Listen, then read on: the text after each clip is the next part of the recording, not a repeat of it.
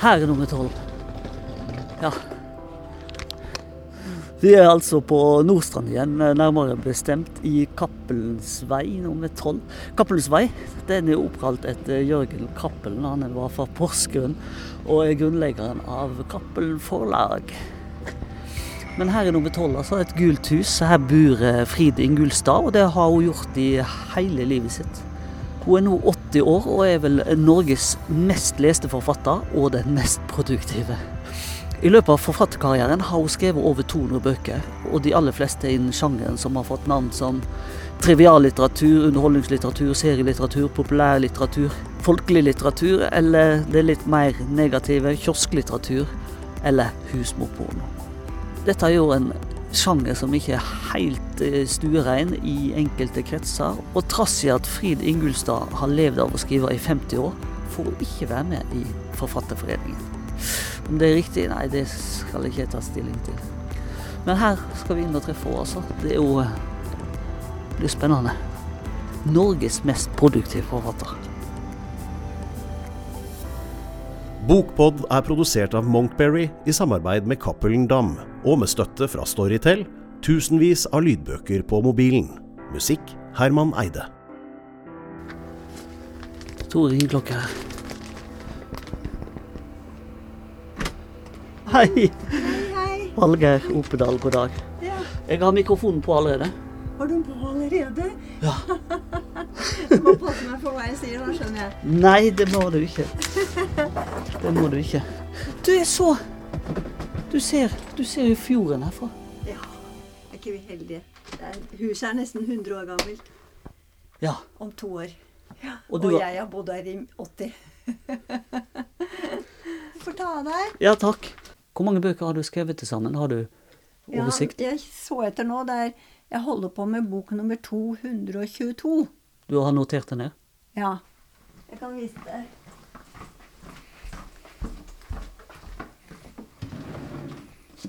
Jeg har skrevet ned. Her er det. Bøker jeg har skrevet. Ja. Hjemme Norge. Camilla, piken fra Madagaskar. Hvit krysantemum en øye i solen. Bare titlene. Bare titlene og nummeret. Sønnavind. 220, og så holder jeg på med nå 82. Betzy, det var to, bok nummer 219. Den skrev du mens om Ja. Betzy Kjelsberg. Den skrev jeg mens jeg skrev 'Sønnavind'. Hvorfor gjør du det? Jeg syns det er gøy. Jeg syns det er moro.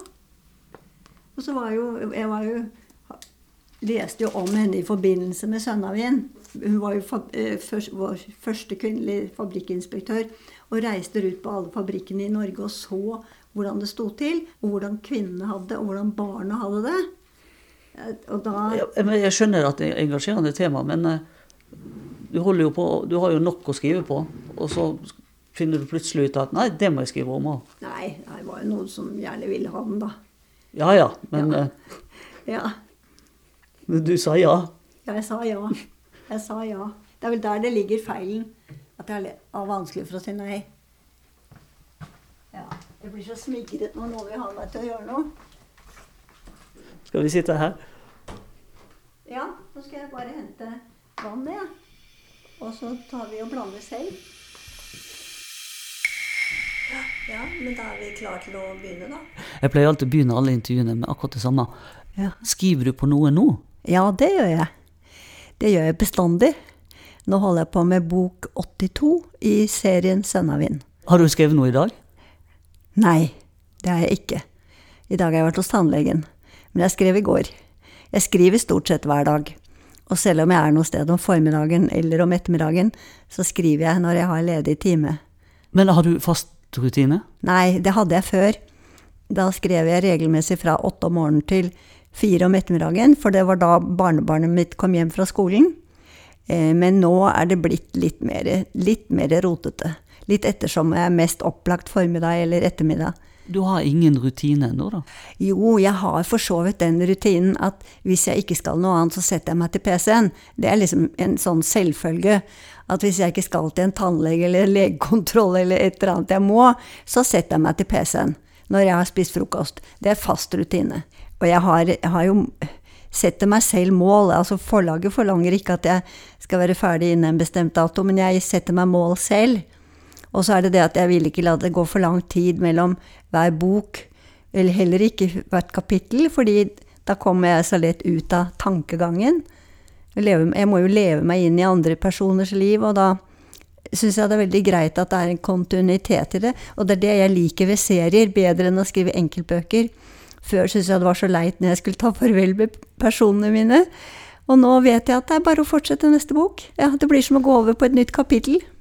Før da hadde du en regel om at du skulle skrive minst ti sider hver dag. Det klarer jeg ikke lenger. Nå er jeg fornøyd hvis jeg har skrevet syv sider. Det er ganske mye, det òg. Ja.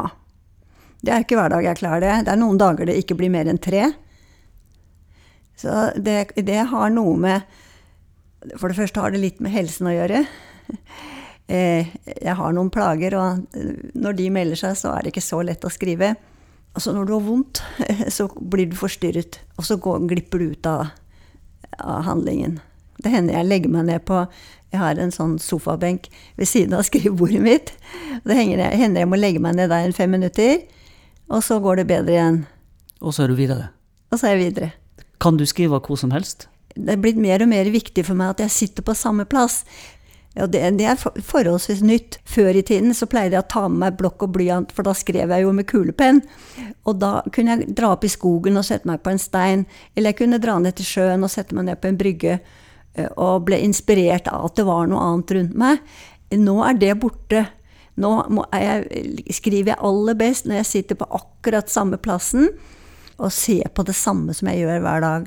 Hva du ser på der, da? Da ser jeg rett over til naboen. Men jeg ser trær utenfor. Jeg ser eh, gress og blomster og sånn om sommeren. Jeg, jo, eh, jeg tror egentlig jeg ikke ser det jeg ser. Jeg, tanken er jo et annet sted. Så jeg vet jo ikke helt hva jeg ser. Men jeg ser det samme bildet. Det, altså, Nabohuset har jeg, det har ligget der i hele mitt liv, så det har jeg sett i 80 år. Før så skrev du hver dag. Altså til ja, og med i det, helgene. Ja, men det gjør jeg ennå. Og i alle ferier. Altså, jeg tar med meg PC-en til hytta om sommeren og sitter og skriver der i fire uker. Jeg tror ikke jeg har hatt én ferie uten at det er blitt en bok av det. Nei. Og jeg skriver lørdager og søndager. Jeg har ikke noe Eh, så sant jeg ikke ødelegger for planene til andre, da. Du vet at jeg er så gammel som jeg er nå, så, så er det jo slutt på at jeg går skitur og sånn på søndagen som jeg gjorde før. Holder du fremdeles på med det at du printer ut etter hver side? Nei, det har jeg sluttet med. Men det er ikke lenge siden jeg sluttet med. Det gjorde jeg helt frem til jul, tror jeg. Ja da. Jeg hadde nesten glemt det før du sa det. men, men, du var redd for at den skulle forsvinne? Nei, men jeg var så redd for at den skulle forsvinne. Ja.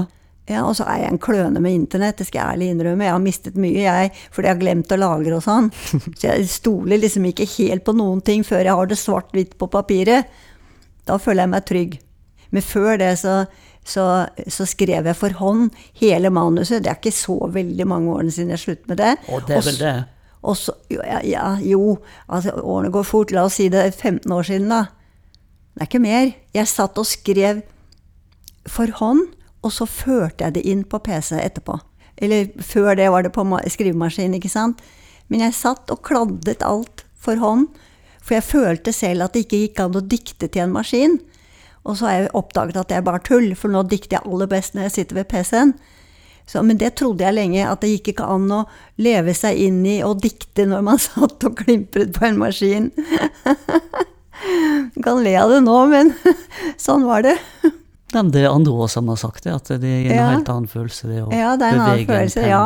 Men nå har jeg oppdaget at det, når du da skriver touch, og ikke behøver å se på hva du skriver, og da er det enda lettere å leve seg inn i, i andre personer. For du kan touch, du? Ja, det lærte jeg da jeg gikk på sekretærlinjen på Handelsgym for 100 år siden snart. Så det går fort unna med deg, da? Nei, jeg tror ikke jeg skriver noe fortere enn andre nå, men jeg bruker alle fingrene. Og så behøver jeg ikke se på, så jeg kan konsentrere meg om handlingen. Og jeg behøver ikke å eh, konsentrere meg om selve skrivingen. Bare det å, å, å finne titler på romaner? Ja, Da hjelper forlaget meg. Ok. Ja. For det er ikke alltid lett. Nei, altså Sønnavind, den kom dalende ned i hodet på meg. For jeg satt eh, eh, om sommeren, og så satt jeg på, eh, ute i solen og kjente varmen som kom sørfra. Og så plutselig så datt ned i hodet meg Sønnavind som et symbol på at vi går mot bedre tider. Sånn, sånn så jeg det. Det var en bestilling det fra forlaget. Ja, de spurte meg. Jeg holdt på med Ingebjørg Olavsdatter fra middelalderen. Den var på 45 bøker, og jeg var vel kommet ja, over halvveis i den da jeg fikk telefon fra forlagssjefen som spurte om jeg kunne tenke meg å skrive fra om 1905 og unionsoppløsningen. Det var det som var det de ønsket. Og jeg klarte ikke å si nei. Jeg syntes det hørtes så spennende ut. Og da valgte jeg å ta og skrive om de som sto lavest på rangstigen, fordi jeg hadde skrevet om aristokratiet i Ingebjørg Olavsdatter-serien. Og så diktet jeg bare opp denne historien om Elise, og diktet opp at hun eh, og moren og faren at de var fire barn, og at faren døde i fylla. Og jeg ser det som viktig å formidle Norges historie på en måte som engasjerer og og, like, og får folk interessert. Og da tror jeg at hemmeligheten bak all historieundervisning må være å levendegjøre enkeltpersoner. Og sette seg inn i hvordan det ene mennesket hadde det, og tenkte og følte. Og det er noen som har sagt at det, det viktigste med Sønnavind-serien er gjenkjennelsen. At det er eldre mennesker som kjenner seg igjen i det jeg skriver. Ja, og personer som kommer bort til meg og sier 'det du skriver, det har jeg opplevd'.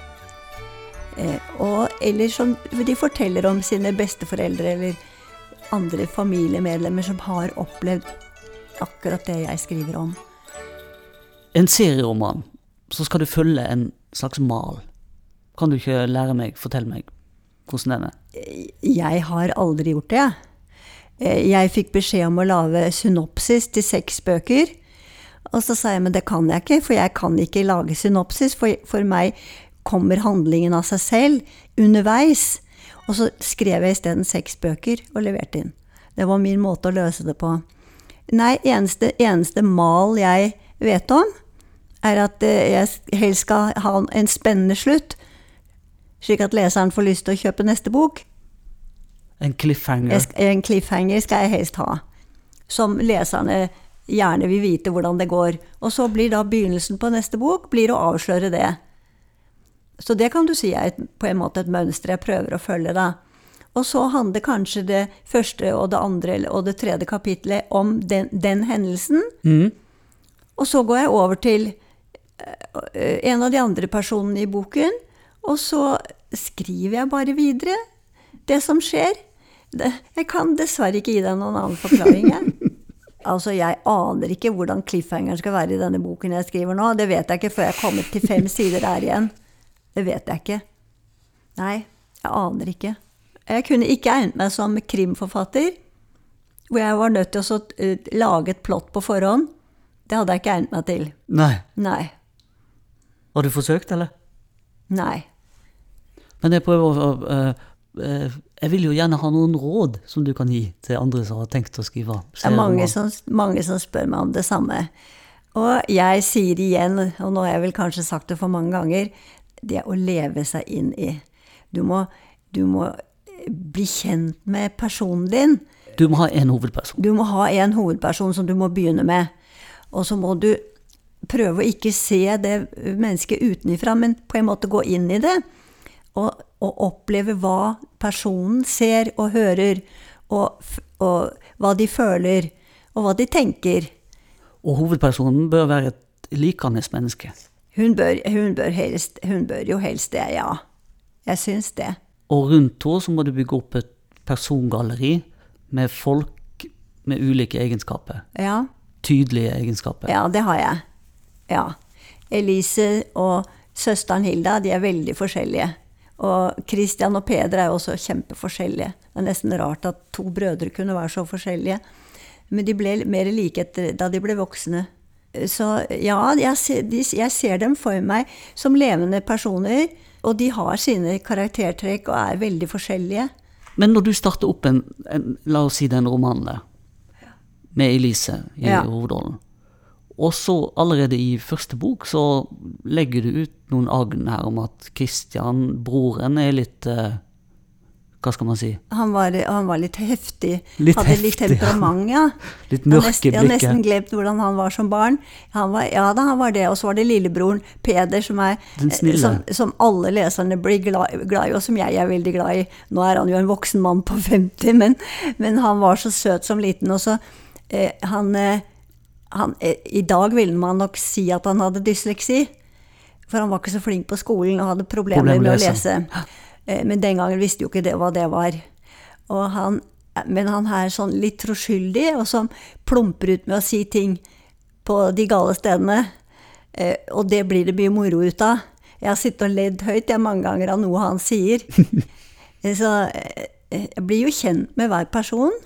Nei, men allerede i begynnelsen der så legger du ut noen sånne ja, tegn på hvordan det Ja. muligens kan gå med dem. Ja. Og da har du jo tenkt langt fram. Ja. Det må jeg ha gjort. Jeg vet ikke om jeg har gjort det bevisst, jeg, men Nei, jeg, jeg, det er veldig sjelden at jeg i hodet har handling lenger enn det jeg holder på med. Men jeg vet jo at Jeg, jeg aner jo ikke hvordan det skal gå med personene mine nå, f.eks. I neste bok. Det aner jeg ingenting om. Om de kommer til å leve alle sammen, eller noen dør, eller noen blir syke, det aner jeg ikke. Så jeg legger aldri noen plan for neste bok. Men når du sier det, så, for du går jo og tenker på dette døgnet rundt, gjør du ikke det? Nei. Jeg tenker ikke på den når jeg ikke er der. Bare når du skriver? Ja. Jeg er helt okay. ute av hodet mitt når jeg er husmor og tar meg av barnebarn, eller tenker jeg ikke på det i det hele tatt. Ikke om kvelden heller, når jeg sitter og ser på TV. Så det kverner ikke rundt, og Nei. kanskje hun skal gjøre det? Kanskje? Nei, nei. Det er bare når jeg skrur på en bryter, og så går jeg inn eh, i Hønselovisas hus ved Akerselva, eller et annet hus der oppe, eller et hus på Nordstrand som jeg også har med i handlingen. Jeg, hvor, der, jeg, ja, jeg skrur på en bryter. Og den skrur jeg av når jeg slår av PC-en. For om kvelden ved titid så slår jeg den av. Og da, går, da, er, da har jeg skrudd av den bryteren. Så merkelig. Ja. Og så må du igjen Og så må du ha action, da. Det må skje ting. Det må skje ting. hele Og det skjer. Det skjer. Det kommer av seg selv. Det kommer av seg selv. Noen må dø. Ja da, det har dødd Noen blir Det har dødd flere gjennom serien. Og det er ikke noe jeg har planlagt. Det har skjedd. Det, jeg har jo hatt mange personer som har vært fæle, jeg, altså. Men de har jeg kvittet meg med etter hvert. Og så må du ha litt erotikk. Ja, eh, jeg er vel ikke den forfatteren som har mest av det, tror jeg. og det er jo fordi Nei, altså, der hvor det faller naturlig, har jeg det med. Det kan ha vært mange bøker hvor jeg ikke har erotikk i det hele tatt, men det er ingen som har etterlyst det. Jeg tror ikke det er derfor folk leser bøkene. Og så sterke følelser. Ja, det er vel ikke noe Altså, sterke følelser er det vel i de fleste menneskers liv, i hvert fall i enkelte ganger. Og jeg prøver å, å beskrive alle fasetter av livet. Både sorger og gleder og eh, kjærlighet og eh, Men jeg legger ikke noe mer vekt på det ene eller det andre. Det, tar det som jeg syns er naturlig i et menneskeliv. Og da Elise var 18 år, så var hun forelsket, og da var det naturlig. Og etter hvert så er ikke det noe man skriver så mye om. eh, Ikke, ikke sånn jeg ser det. Happy end er viktig. Ja, det er fordi det er viktig for meg selv. Jeg liker ikke å se filmer som er en slutt, dårlig slutt. Nei, det liker jeg ikke. Så, eh, eh, men jeg vet ikke om det blir noe happy ending på Sønnavind. Det vet jeg ikke nå om. Jeg har ikke hatt happy ending i alle bøkene mine. Det må komme sånn som er naturlig. Men jeg liker jo best når det går godt. Sønnavind som går fra 1905, og nå er du oppe i Nå er jeg kommet til 1946, ferdig med Du er krigen. ferdig med krigen. Mm. Det, det er jo et enormt eh, persongalleri. Eller det blir jo det etter hvert. Ja, det er blitt det. Og det er jo hele hennes liv. Det er hennes barn, og nå er det barnebarn. Hun har til og med fått et oldebarn.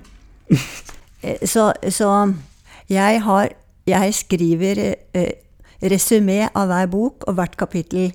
Og, at, og så har jeg en liste over når alle personene er født. For altså når du har holdt på i, i, i så mange år med nå, Det er et veldig svært persongalleri, og jeg skal jo huske er alle barna nå døpt og konfirmert, og, og når giftet de seg, og når fikk de barn? Og det er jo utrolig mye du skal huske på. Eh, og det hadde jeg ikke klart lenger hvis jeg ikke hadde skrevet opp. Eh, så jeg vet hele tiden ja, En som er gravid, da, og når skal hun føde? Da må det jo helst komme ni måneder etterpå, ikke sant? Ja, det er jo mange sånne fakta som eh, jeg må passe på at det er riktig. Og jeg har jo, som jeg har sagt, skrevet opp, ellers hadde jeg ikke klart det. Jeg må jo se når er det de F.eks. når er det Elise fyller 60 år? Jeg kan ikke bomme på det. har du de resumeene liggende her, eller? Kan jeg har det på kontoret mitt, ja. Kan du hente og se? Ja, ja.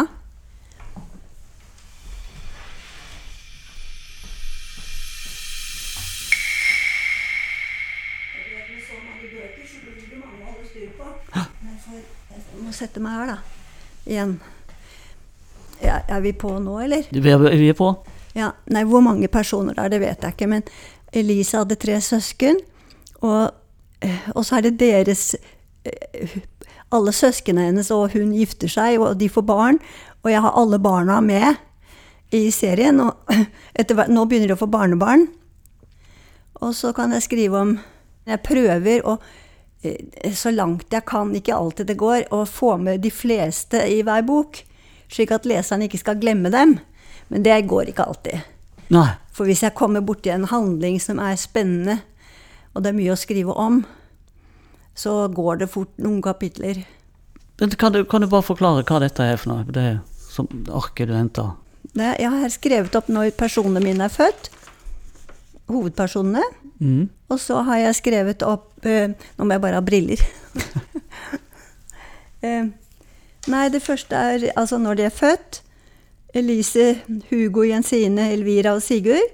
Og så kommer Hildas barn. Og så skriver jeg navnene på dem, og når de er født alle sammen. Det er søsteren til Elise. Og så er det Christian, broren hennes. Hva konen hans heter, og når, hva barna heter, og når de er født. Og så Etter hvert så har det jo kommet til flere personer, ikke sant? de har blitt kjent med andre, eller andre som har dumpet ja, som bare, Det er jo sånn i alle menneskers liv. Det dukker mennesker opp. Og så har jeg føyd til etter hvert, så det har blitt veldig mye tilføyelser, da. Det ser du har skrevet masse med kulepenner. ja. Du har jo òg sagt at bøkene skal være lettleste. Hvordan gjør du det? Jeg prøver å skrive enkle setninger, ikke ha for lange setninger, og stykke de opp et av de første årene jeg skrev den, så ble jeg buden til Dysleksiforeningen. Og hvor de da snakket om hvor nødvendig det var for dem å lese noe som var enkelt. Og da, etter det, så var jeg mer bevisst på det. At det, dette skal være bøker som alle aldre kan lese. At det skal være lettlest. Det skal være noe du kan koble av med når jeg leser gjennom siden etterpå at jeg har skrevet den.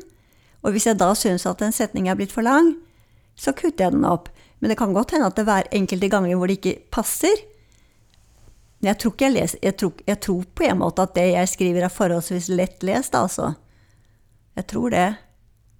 Du har jo et veldig nært forhold til uh, leserne ja, dine. Ja. Veldig. De ringer meg. Det er ikke en uke uten at det ringer flere. Du står i telefonkatalogen til og med.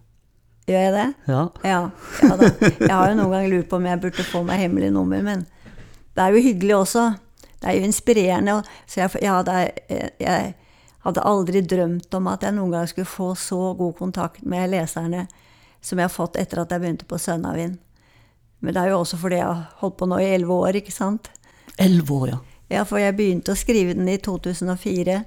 Så jeg har jobbet med den daglig omtrent i elleve år. Mm. Så jeg har kanskje vært mer inne i Elise enn inni meg selv. Du må jo ha en tålmodig mann? Ja, det har jeg. Det har jeg absolutt. Heldigvis har han hatt arbeidet ganske lenge, helt til nå. Og han har også hobbies som han er opptatt av. Men ellers så tror jeg Han, han har aldri klaget. Han har aldri sagt at 'må aldri. du skrive nå'? Nei, aldri. Aldri. Nei, det har han respektert hele tiden. For du har rydda deg, du har albua deg om i, til å skrive når som helst? Jo, Når du spør sånn, så begynner jeg å lure på om jeg burde ha dårlig samvittighet. Kanskje jeg har gjort det for mye. Jeg tror nok det har gått utover venner, venninner. At jeg eh, burde gjort Når jeg begynner sånn, så får jeg dårlig samvittighet for både det ene og det andre. Ja, det var ikke meningen å gi deg. Men eh, man kan jo lure. Det er, det er selv om det, jeg legger det frem om som dette er gøy, så er det klart det er hardt arbeid. Og det, det må gå foran andre ting. Du klarer ikke det sammen med noe annet. Så eh, det må prioriteres. Men jeg tror jeg har vært flink Jeg, jeg har faktisk spurt barna og mannen min om, om de føler at jeg har sviktet dem på noen måte, og det sier de nei. Jeg kan jo lure, litt. Men er du sånn som deler ved middagsbordet, så forteller du vet du hva Elise har gjort i dag? Nei, det gjør jeg ikke. Men det hender at jeg kommer inn til frokostbordet nå som det bare er han og meg, og jeg sier at nå har det stoppet opp. Nå blir det slutt på skrivingen, for nå kommer jeg aldri til å skrive mer, klare mer. Det er helt stopp. og så sier han ja, hva er det den handler om da? Han leser dem ikke. Og så forteller jeg hva siste kapittel handler om. Og så kommer han med en idé, og så sier jeg takk, og så bare løper jeg inn skri eh, til skrivebordet mitt, og så durer jeg i vei. Da skal det lite til, et, noen få ord, som kan pense meg inn i riktig spor. Ja. Sa du at han ikke leste dem? Han leser dem ikke. Nei, stakkars. Jeg kan ikke forlange at han skal lese 220 bøker av meg. Men han vet, Nysgjerrig på hva du holder på med, kanskje? Han vet hva de handler om. Og han er flink til å hjelpe meg under, eh, under vandringene, for da må jeg ha høyttaler. For det, det har jo kommet opptil 1000 mennesker, og de kommer med fly fra Hammerfest og Trondheim og Bergen og Kristiansand. Ja, for du har vandringer, vandringer langs Akerselva. Der du eh, forteller fra serien, og hvor de Jeg forskjellige forteller tingene fra serien, ja. Og også da jeg hadde første vandring, var bare 30 som kom, for det var jo ingen som visste om det ennå. Senere har det kommet 1000 av gangen. Og da, å holde styr på så mange mennesker, vet du, det, jo, som- det går jo rene 17. mai-tog oppover Maridalsveien når jeg har disse vandringene. Ja, jeg har sett det på internettet. Ja. På YouTube. Der ligger det jo flere videoer. Da kommer de, altså. videoer. Jeg er veldig imponert. Jeg kommer og betale for flyreise og, og, og overnatte på hotell også for å være med den ene timen og se hvor Elise bodde, og ø, de husene som jeg skriver om, og fabrikken og hele miljøet der oppe, fossene i elven. Og, da jeg hadde begynt en sånn vandring, så kom det en fremmed dame bort til meg, frem mellom fabrikkene, oppe ved Beierbrua, Jula veveri og Grå spinneri. Og så sier hun 'det du står og forteller, det har jeg opplevd'. Og så ble jeg buden hjem til henne, hvor hun bor i samme leilighet fremdeles. Så det at jeg har fått treffe mennesker som har opplevd det jeg selv skriver om, det har vært helt spesielt. Og det gjør jeg stadig vekk. Hvor mange bøker til kommer i Sønnavind-serien? Aner ikke. Jeg vet ikke. Det er like, like lite som jeg vet hva neste kapittel handler om, så vet jeg ikke når slutten kommer. Du er født i 1935. Ja. Septemberbarn. ja. Jeg hadde gamle foreldre. altså Min far var 53 da jeg ble født. Han kom fra en prestefamilie. Hans far var prest, ja. Og far var også teolog, men han fant ut at han ikke egnet seg til å være prest, så han ble lektor på, i gymnaset isteden. Men var det din far som bygde her, da? Dette Far huset? kjøpte dette huset her i 1935. Og så traff han din mor. Ja, en, jeg kunne skrevet bok om det. Den gangen vet du, skulle man ikke snakke om noe. Og så husker jeg at jeg satt før jul og pusset sølv for mor. Da var jeg en 14-15 år gammel. Og så fikk jeg se at det sto under Olga og August. Og så sa jeg Olga, sa jeg. Du heter da ikke det, sa jeg til mor. Og så måtte hun, ble hun, følte hun seg at hun var nødt til å fortelle sannheten, da, at far hadde vært gift før. Og det gjorde voldsomt inntrykk på meg. Og så da jeg nå, for ikke så veldig mange kanskje 20 år siden, så møtte, var jeg sammen med en, en dame som kjente fars familie, og så fortalte hun meg at far hadde at de skulle fått tvillinger, at de døde med da hun fikk tyfus. Det var en forferdelig historie. Og så var far han var 14 år eldre enn mor, og hun, han var lærer på samme skole som hun var elev, så hun neiet til han i skolegården. Hun ble forelska i læreren.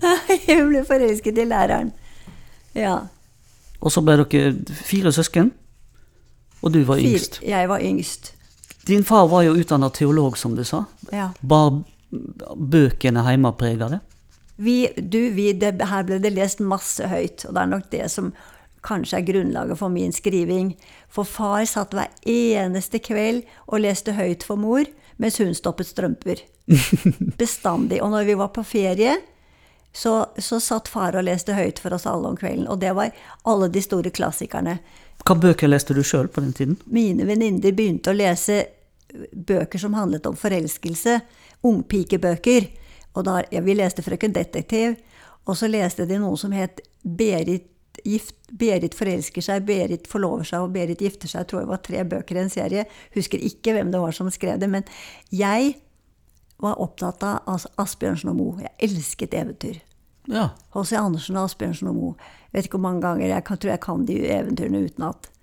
Ja, det var det jeg ville ha. Var det et utpreget kristenheim? Ja. Ja. Mor og far var eh, troende og hadde en trygghet i det. Far var ikke redd for å dø. Liksom, de snakket åpent om, om døden. Han døde Når var? Da jeg var 17 år, han fikk kreft. Og den gangen så skjønte, visste de ikke mye om kreft. Han fikk ikke noe behandling. De trodde det var ischias. Og han ble så redusert og hadde det forferdelig på slutten. Han var hjemme her helt til siste dag. Jeg husker jeg satt, var oppe hos han og tok farvel med han om morgenen før jeg gikk på skolen.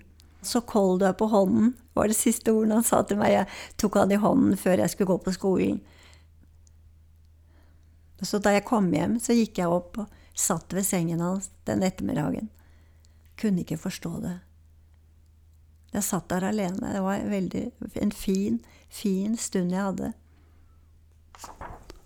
Her er en notis fra Aftenposten fra begravelsen hans. Nei. Tidligere lektor ved Nordstrand Høyre skole, August Eliassen, ble i går begravet fra kapellet på Vår Frelsers gravlund under stor deltakelse. Ved båren var plassert Nordstrand Høyre skoles fane. Hva står det for noe der, da?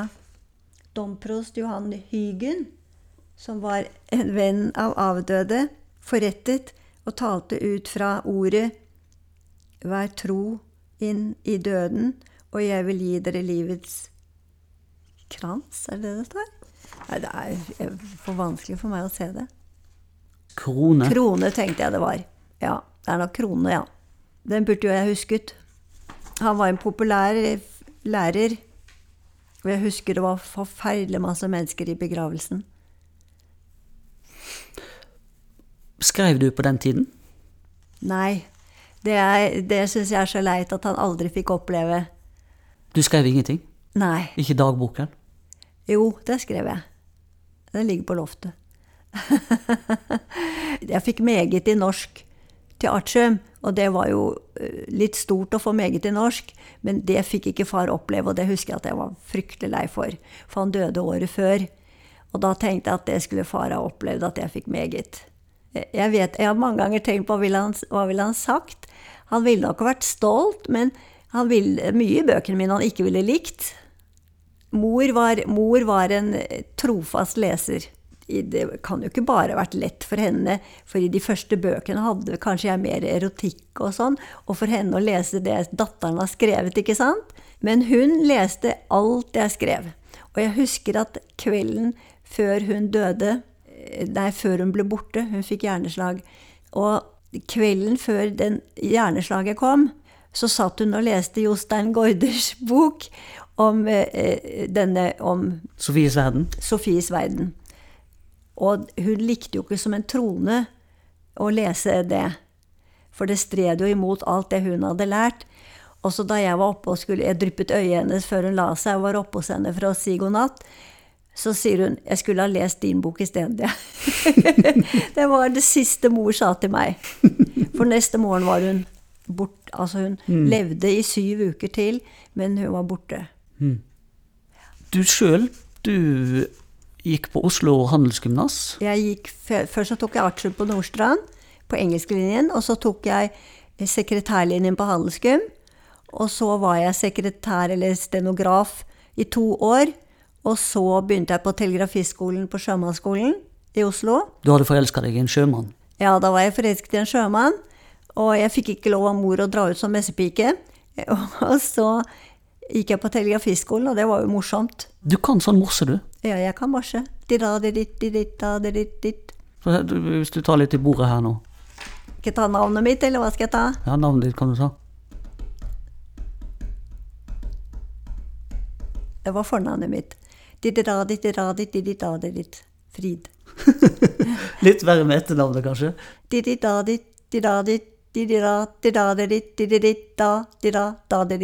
Det var Ingulstad. Jeg kan ikke sjekke deg. Nei. Jeg må bare ta, ta det for det det var. Ja.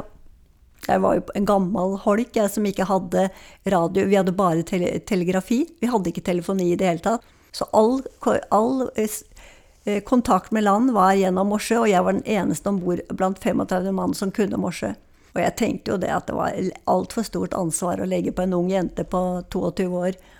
Du var halvannet år til Ja. Jeg fikk sett utrolig mye, og det tror jeg også er Det er nok spiren til det som kom av skriving etterpå. Hvor var du til sjøs?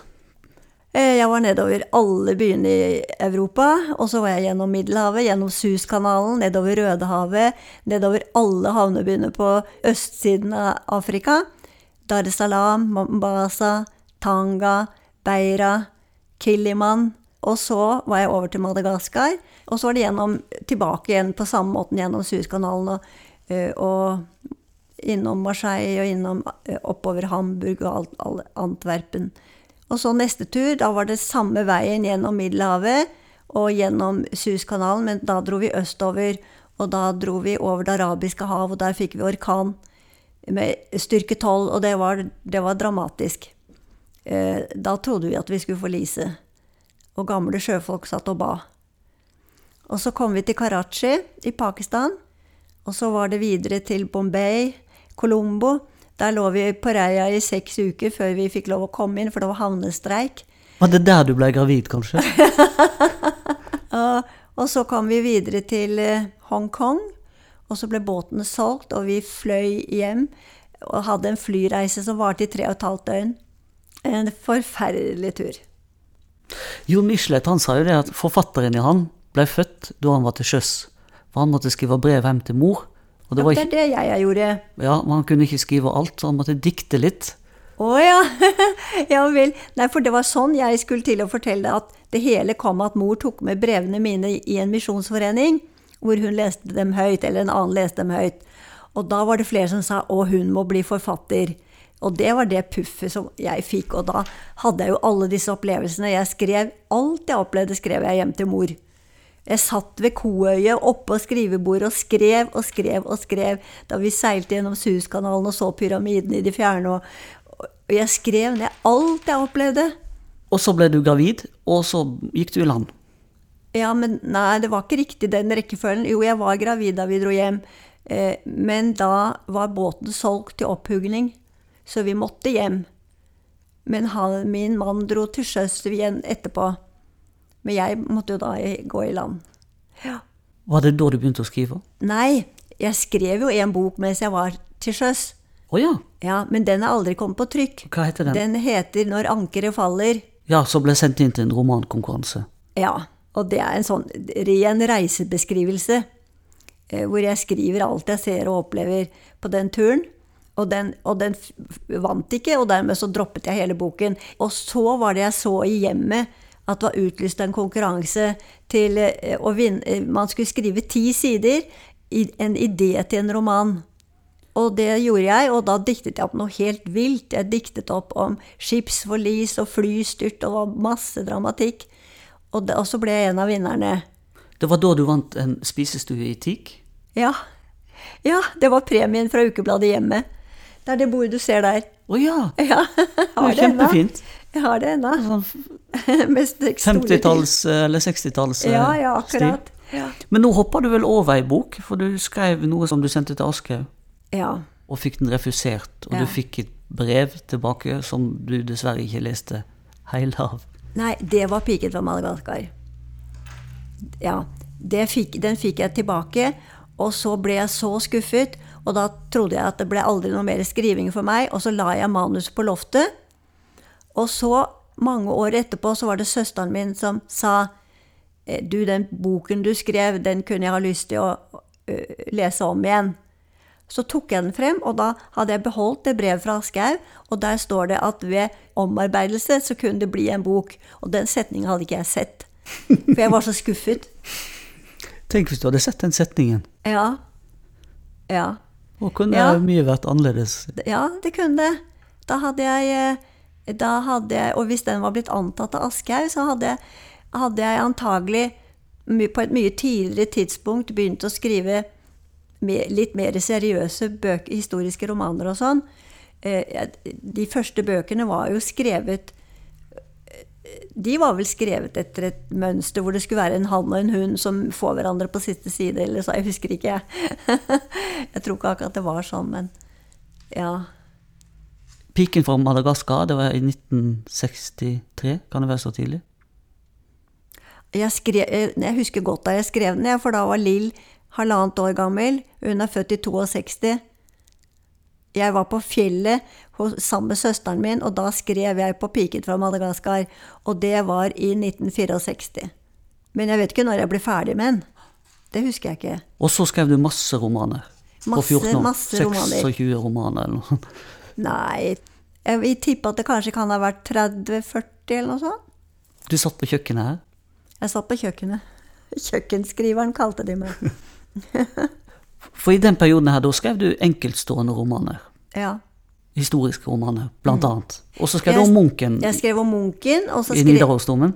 og i Munken som sies å gå igjen i Nidarosdomen. Jeg kan godt fortelle mye om den. Og så skrev jeg eh, 'Når en stjerne faller', og fra svart, hvor hovedpersonen var en nonne i, under svartedauden.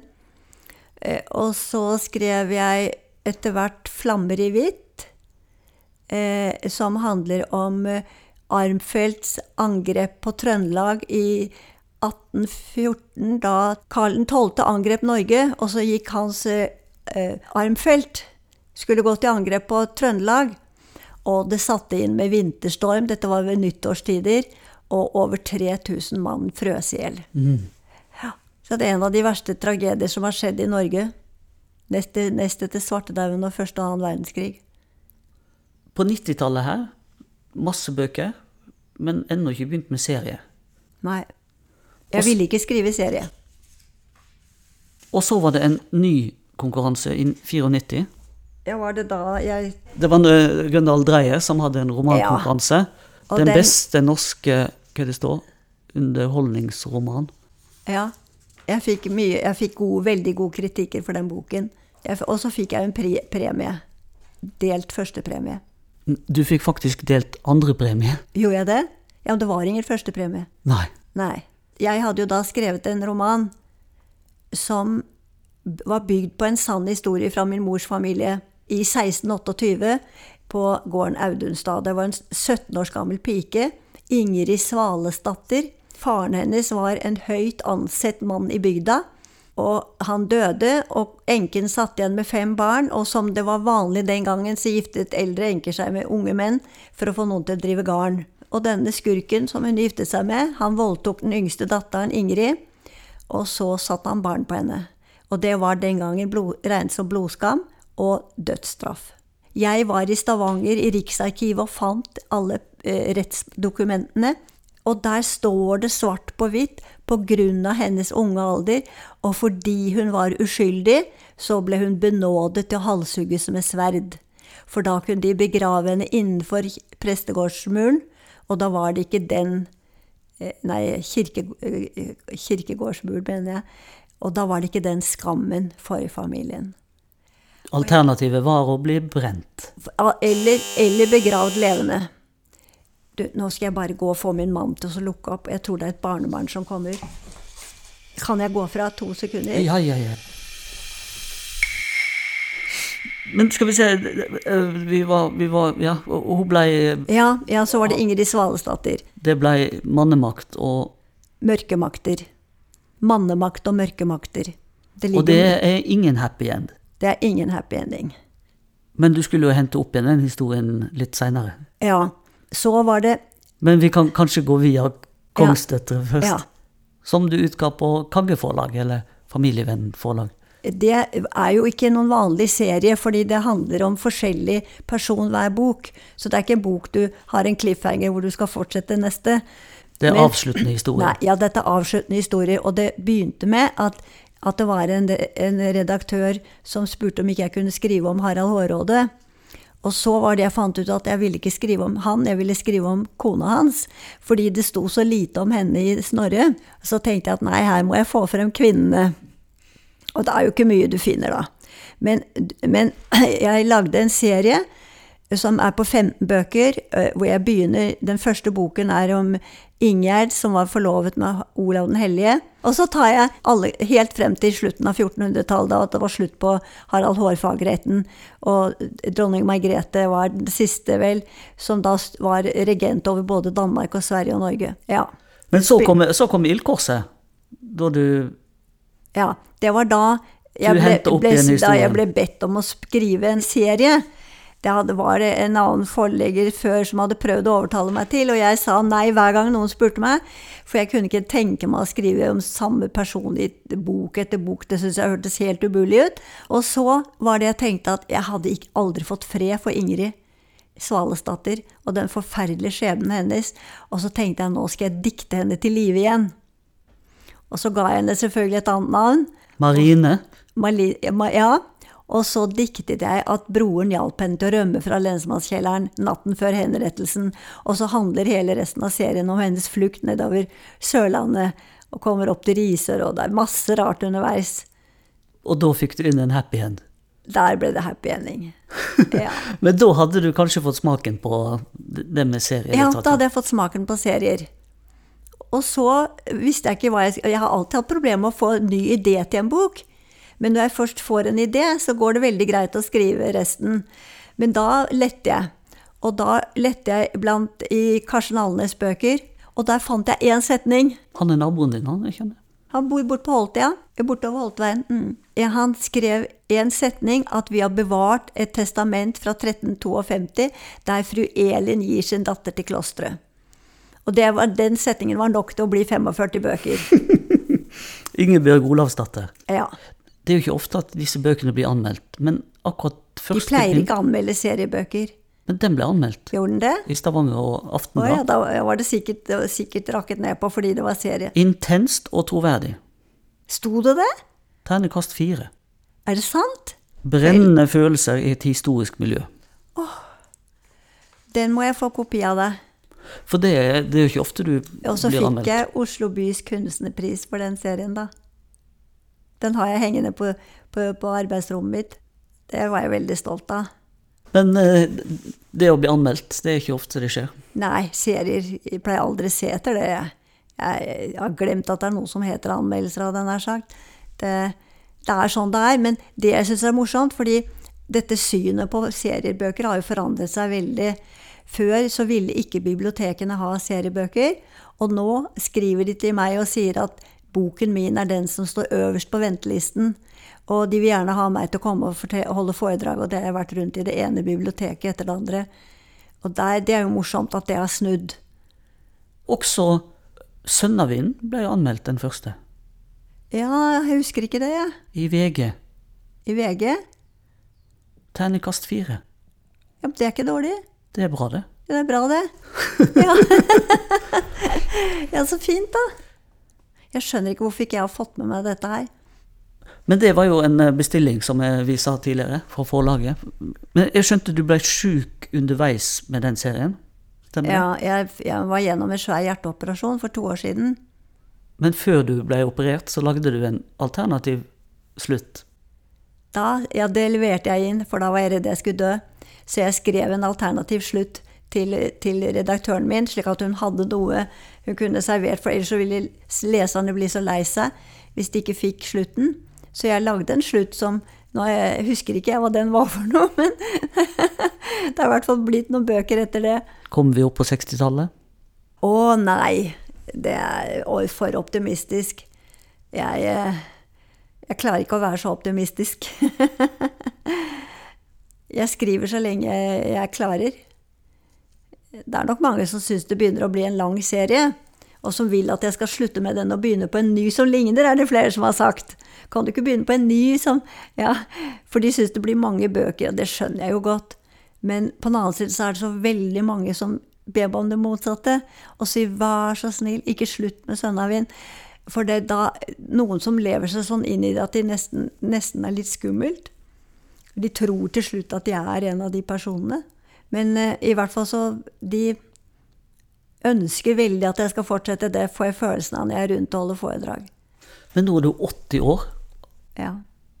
Hadde du orka å gått i gang med en ny serie? Jeg planla for noen få år siden hva jeg hadde lyst til å skrive om neste gang, og den har jeg i hodet ennå. Men eh, jeg tror det jeg, Det kommer helt an på helsen, det. Hvis jeg er sånn som nå, så vil jeg jo gjerne få lov å fortsette å skrive, for det er det jeg syns er gøy. Men du vet jo aldri når man er 80 år. Man kan ikke ta livet som en selvfølge lenger. Ja, Hvor lang tid planlegger man da, i en alder av 80? Nei, ikke noe særlig. Nei, jeg eh,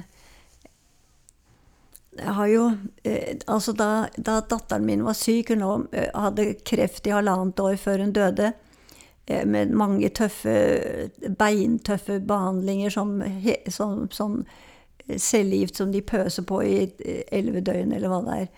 Høydose kalles det. Eh, og da var skrivingen en terapi for meg. For jeg var hos henne nesten bestandig.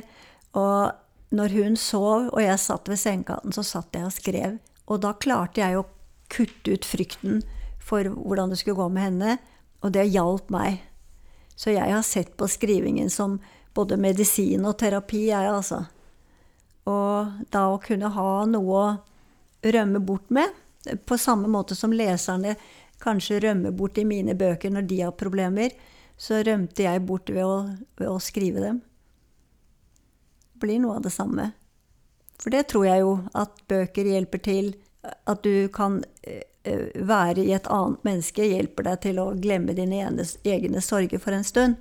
Det tror jeg ikke menneskene har noe vondt av. Du fikk ansvaret for barnebarnet ditt, du, etter det? Ja. Han var eh, tre og et halvt da mammaen døde. Og noen år senere så fikk faren hans svulst på hjernen. Og så søkte vi om å få overta han, da. Eh, så han har bodd her i åtte år. Og det har jo gitt oss Det har holdt mannen min og meg oppe. For vi har jo vært da foreldre til skolebarn, ikke sant. Vært på foreldremøter og uh, vært med. Og vi har hatt ungdom i huset. Vi har det fremdeles, for nå er han i militæret og er her hver helg. Og det er jo stadig vekk venner som overnatter og kommer og går. og Litt krevende for en 80-åring? Krevende. Jeg kan bli sliten. og det er musikk som ikke jeg er så veldig glad i. Men uh, det er liv og røre, og det er uh, det er morsomt å følge ungdom og sette seg inn i hvordan, hva det vil si å være ung i dag, for det er søren meg forskjellig fra jeg var ung. Og veldig tøft. Jeg syns synd på dem. Jeg syns det er vanskelig å være ung i dag.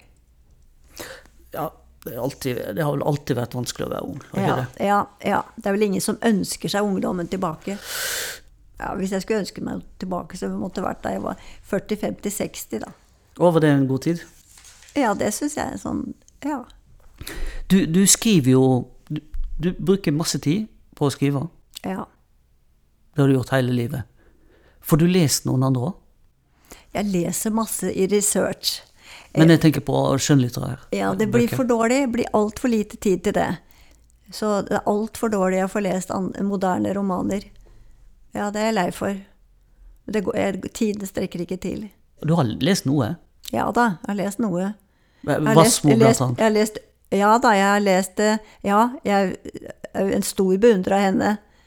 Eh, jeg leste jo disse bøkene om Tora. Tora-bøkene.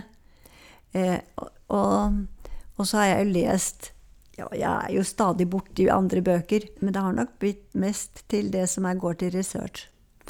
Men ser du at de skriver på en annen måte enn deg? Det er, vel, det er jo mange som skriver tyngre bøker enn meg og hvor du virkelig må sitte og tenke og, og, fordøye det og suge til deg. Og jeg kan bli veldig imponert over ord.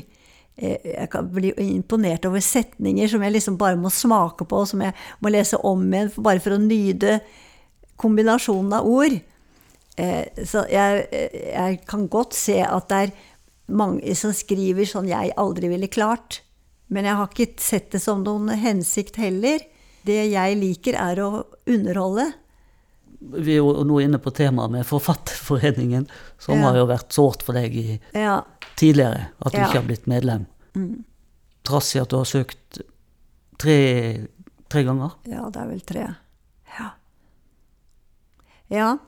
Nei, det, jeg kan ikke gi deg noe svar på, på det. Eh, det var jo liksom litt rart da, da de feiret 80-årsdagen min, eh, Hønselovisas hus nå i høst. Så var det jo kulturministeren som holdt tale for meg. Hun roser på meg både for kunnskap og for evne til å formidle, og historiekunnskaper og, fortellerglede og fortellerglede og fortelleregenskap. Du ser, du også ser at det er forskjell på litteratur, da. Jeg ser at det er en forskjell på litteratur, litteratur men jeg mener at vi trenger, be, all, vi trenger begge typene. Vi trenger eh, litteratur til å utvikle oss, og til, og, til dypere tenkning. Og til ja, å virkelig ha tid til å gruble over handlingen. og og, og til å fordøye ord og setninger. Både skrivingen og handling. Men jeg ser ikke at det skulle være noe galt i å skrive noe som underholder. Fordi når du kommer til stykket, så er jo de fleste romaner som er trykket her i verden, er jo underholdende. Og når jeg da føler at jeg appåtil formidler Norges historie på en måte som lærere skriver til meg og sier at bøkene dine burde inn i skolen, for da blir elevene interessert når de kan identifisere seg med en person, en historisk person, så mener jeg at det burde være plass til denne typen litteratur også. Du kommer Ja. ikke til å søke en gang til? Nei. Nei. Nei. Nei. Jeg, jeg, kan på en måte forstå at de har et problem, da. Så jeg behøver jo ikke akkurat utsette dem for det problemet en gang til. Eh, De har liksom bestemt seg for at denne sjangeren ikke skal godtas. Og så lenge de har en sånn regel, så Ja. Og jeg, jeg, jo, jeg vet at det er blant de store forfatterne våre så finnes det i hvert fall to som har kommet til meg og sagt at de har beklaget seg på Forfatterforeningens vegne. Men jeg skal ikke si navn. Du ville gjerne hatt dem med. De syns at jeg burde vært med.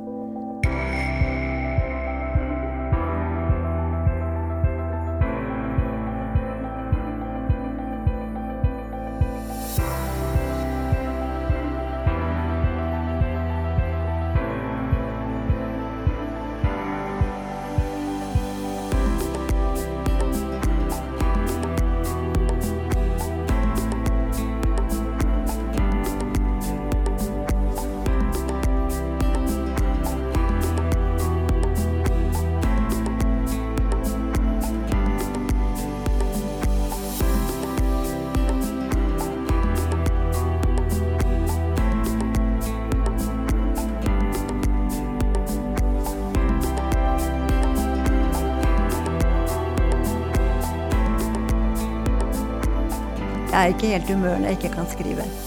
Det er en viktig del av livet mitt, rett og slett. Har, du kan si at jeg blir jo litt usosial, for jeg har ikke noe særlig behov for, for å treffe så mange mennesker. Jeg trives sammen med de jeg skaper.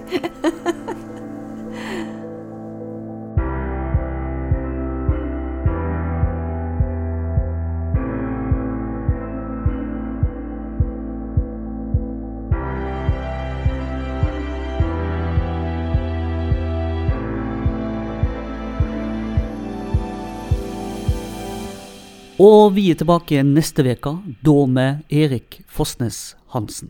Etter åtte år kommer han med ny bok. Jeg tok det frem og la det bort. Jeg la det bort og tok det frem og så på det og skrev litt på det og la det bort igjen. Og hadde ikke lyst, altså. Å Gjøre det der kjempeløftet en gang til. I hvert fall, Jeg tenkte jeg må vente litt til.